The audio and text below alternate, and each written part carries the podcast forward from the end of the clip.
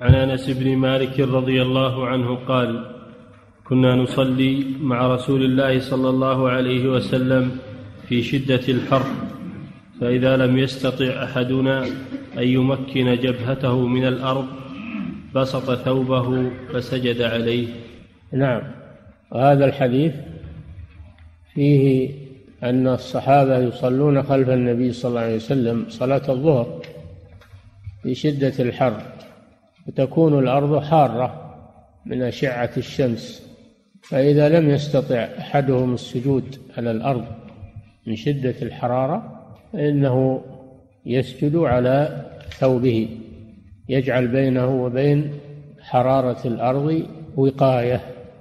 دل هذا على أنه لا بأس أن يجعل الإنسان تحت جبهته ما يقيه من الأذى إذا سجد أن تكون الأرض حارة أو فيها حصى أو شوك يتأذى به فلا بأس أن يضع شيئا يقيه مما يؤذيه لأنهم فعلوا ذلك خلف النبي صلى الله عليه وسلم وأقرهم على ذلك.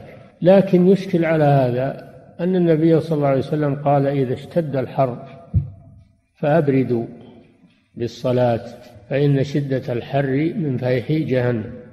النبي صلى الله عليه وسلم أمر بالإبراد بالصلاة حتى ينكسر الحر. وهذا الحديث يدل على أنهم يصلون في الحر.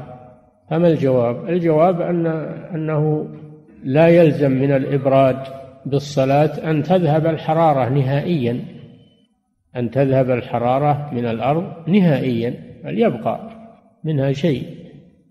فلا تعارض بين الحديثين فيبرد بالصلاة في شدة الحر وإن لم تزل الحرارة نهائيا من الأرض